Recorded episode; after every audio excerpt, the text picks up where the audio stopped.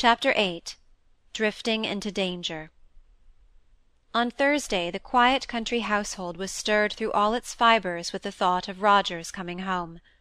Mrs. Hamley had not seemed quite so well, or quite in such good spirits, for two or three days before, and the squire himself had appeared to be put out with any visible cause. They had not chosen to tell Molly that Osborne's name had only appeared very low down in the mathematical tripos so all that their visitor knew was that something was out of tune, and she hoped that Roger's coming home would set it to rights, for it was beyond the power of her small cares and wiles. On Thursday the housemaid apologized to her for some slight negligence in her bedroom, by saying that she had been busy scouring Mr. Roger's rooms.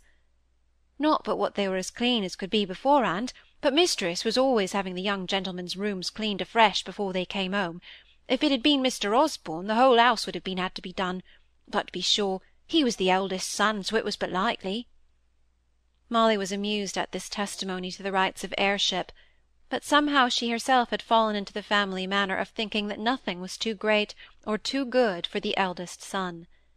In his father's eyes, Osborne was the representative of the ancient house of Hamley of Hamley, the future owner of the land which had been theirs for a thousand years. His mother clung to him because they two were cast in the same mould, both physically and mentally, because he bore her maiden name. She had indoctrinated Molly with her faith, and in spite of her amusement at the housemaid's speech, the girl visitor would have been as anxious as any one to show her feudal loyalty to this heir, if indeed it had been he that was coming.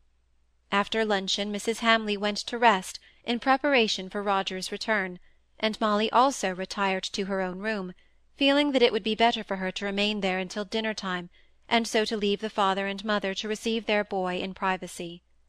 She took a book of poems with her; they were all of Osborne Hamley's composition, and his mother had read some of them aloud to her young visitor more than once. Molly had asked permission to copy one or two of those which were her greatest favourites, and this quiet summer afternoon she took this copying for her employment, sitting at the pleasant open window, and losing herself in dreamy outlooks into the gardens and woods, quivering in the noontide heat. The house was so still, in its silence it might have been the moated grange; the booming buzz of the blue flies, in the great staircase window, seemed the loudest noise indoors. And there was scarcely a sound out of doors but the humming of bees, in the flower-beds below the window. Distant voices from a far-away field where they were making hay, the scent of which came in sudden wafts distinct from that of the nearer roses and honeysuckles, these merry piping voices just made Molly feel the depth of the present silence. She had left off copying, her hand weary with the unusual exertion of so much writing, and she was lazily trying to learn one or two of the poems off by heart. I asked of the wind, but answer made it none, save its accustomed sad and solitary moan, she kept saying to herself, losing her sense of whatever meaning the words had ever had, in the repetition which had become mechanical. Suddenly there was the snap of a shutting gate, wheels crackling on the dry gravel, horses' feet on the drive, loud cheerful voices in the house, coming up through the open windows, the hall, the passages, the staircase, with unwonted fulness and roundness of tone. The entrance hall downstairs was paved with diamonds of black and white marble, the low wide staircase that went in short flights around the hall, till you could look down upon the marble floor from the top story of the house, was uncarpeted, uncovered. The squire was too proud of his beautifully joined oaken flooring to cover this staircase up unnecessarily, not to say a word of the usual state of want of ready money to expend upon the decorations of his house. So through the undraperied hollow square of the hall and staircase every sound ascended clear and distinct and Molly heard the squire's glad "Hullo! here he is!" and madam's softer, more plaintive voice, and then the loud, full, strange tone which she knew must be Roger's. Then there was an opening and shutting of doors, and only a distant buzz of talking. Molly began again. I asked of the wind, but answer made it none. And this time she had nearly finished learning the poem, when she heard Mrs. Hamley come hastily into her sitting-room that adjoined Molly's bedroom, and burst out into an irrepressible half-hysterical fit of sobbing. Molly was too young to have any complication of motives which should prevent her going at once to try and give what comfort she could. In an instant she was kneeling at Mrs. Hamley's feet, holding the poor lady's hands, kissing them, murmuring soft words, which, all unmeaning as they were of aught but sympathy with the untold grief, did Mrs. Hamley good. She checked herself, smiling sadly at Molly through the midst of her thick coming sobs. "It's only Osborne," said she at last. "Roger has been telling us about him." "What about him?" said Molly eagerly. "I knew on Monday. We had a letter. He said he had not done so well as we had hoped, as he had hoped himself, poor fellow. He said he had just passed, but was only low down among the junior optimes, and not where he had expected, and had led us to believe. But the squire had never been at college, and does not understand college terms, and he has been asking Roger all about it, and Roger has been telling him, and it has made him so angry. But the squire hates college slang. He has never been there, you know, and he thought poor Osborne was taking it too lightly, and he has been asking Roger about it, and Roger there was a fresh fit of the sobbing crying. Molly burst out, "I don't think Mr. Roger should have told. He had no need to begin so soon about his brother's failure. Why, he hasn't been in the house an hour." "Hush, hush, love," said Mrs. Hamley. "Roger is so good. You don't understand. The squire would begin and ask questions before Roger had tasted food, as soon as ever we had got into the dining-room and all he said, to me at any rate, was that Osborne was nervous, and that if he could have gone in for the Chancellor's medals he would have carried all before him. But Roger said that after failing like this, he is not very likely to get a good fellowship, which the squire had placed his hopes on. Osborne himself seemed so sure of it, that the squire can't understand it, and is seriously angry, and growing more so the more he talks about it. He's kept it in two or three days, and that never suits him. He is always better when he is angry about a thing at once, and doesn't let it smoulder in his mind. Poor, poor Osborne! I did wish he had been coming straight home, instead of going to these friends of his. I thought I could have comforted him. But now I'm glad, for it will be better to let his father's anger cool first. So, talking out what was in her heart, Mrs. Hamley became more composed, and at length she dismissed Molly to dress for dinner, with a kiss, saying, you're a real blessing to mothers, child. You give one such pleasant sympathy, both in one's gladness and in one's sorrow, in one's pride, for I was so proud last week, so confident, and in one's disappointment. And now your being a fourth at dinner will keep us off that sore subject. There are times when a stranger in the household is a wonderful help. Molly thought over all that she had heard as she was dressing and putting on the terrible, over-smart plaid gown in honour of the new arrival. Her unconscious fealty to Osborne was not in the least shaken by his having come to grief at Cambridge; only she was indignant, with or without reason, against Roger, who seemed to have brought the reality of bad news as an offering of first fruits on his return home. She went down into the drawing-room with anything but a welcome to him in her heart. He was standing by his mother; the squire had not yet made his appearance. Molly thought that the two were hand in hand when she first opened the door but she could not be quite sure. Mrs. Hamley came a little forwards to meet her, and introduced her in so fondly intimate a way to her son, that Molly, innocent and simple, knowing nothing but Hollingford manners, which were anything but formal, half put out her hand to shake hands with one of whom she had heard so much, the son of such kind friends. She could only hope that he had not seen the movement, for he made no attempt to respond to it, only bowed. He was a tall, powerfully made young man, giving the impression of strength more than elegance.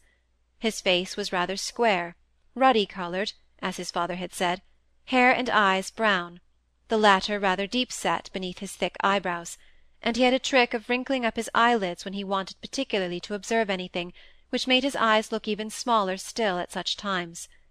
He had a large mouth, with excessively mobile lips, and another trick of his was that when he was amused at anything, he resisted the impulse to laugh by a droll manner of twitching and puckering up his mouth, till at length the sense of humour had its way, and his features relaxed, and he broke into a broad, sunny smile. His beautiful teeth, his only beautiful feature, breaking out with a white gleam upon the red-brown countenance. These two tricks of his, of crumpling up the eyelids so as to concentrate the power of sight, which made him look stern and thoughtful, and the odd twitching of the lips that was preliminary to a smile, which made him look intensely merry, gave the varying expressions of his face a greater range, from grave to gay, from lively to severe, than is common with most men. To Molly, who was not finely discriminative in her glances at the stranger this first night, he simply appeared heavy-looking, clumsy, and a person she was sure she should never get on with. He certainly did not seem to care much what impression he made upon his mother's visitor. He was at that age when young men admire a formed beauty more than a face with any amount of future capability of loveliness, and when they are morbidly conscious of the difficulty of finding subjects of conversation in talking to girls in a state of feminine hobbledehoyhood. Besides, his thoughts were full of other subjects, which he did not intend to allow to ooze out in words, yet he wanted to prevent any of that heavy silence which he feared might be impending, with an angry and displeased father, and a timorous and distressed mother. He only looked upon Molly as a badly dressed and rather awkward girl, with black hair and an intelligent face, who might help him in the task he had set himself of keeping up a bright general conversation during the rest of the evening. Might help him, if she would, but she would not. She thought him unfeeling in his talkativeness, his constant flow of words upon indifferent subjects was a wonder and a repulsion to her.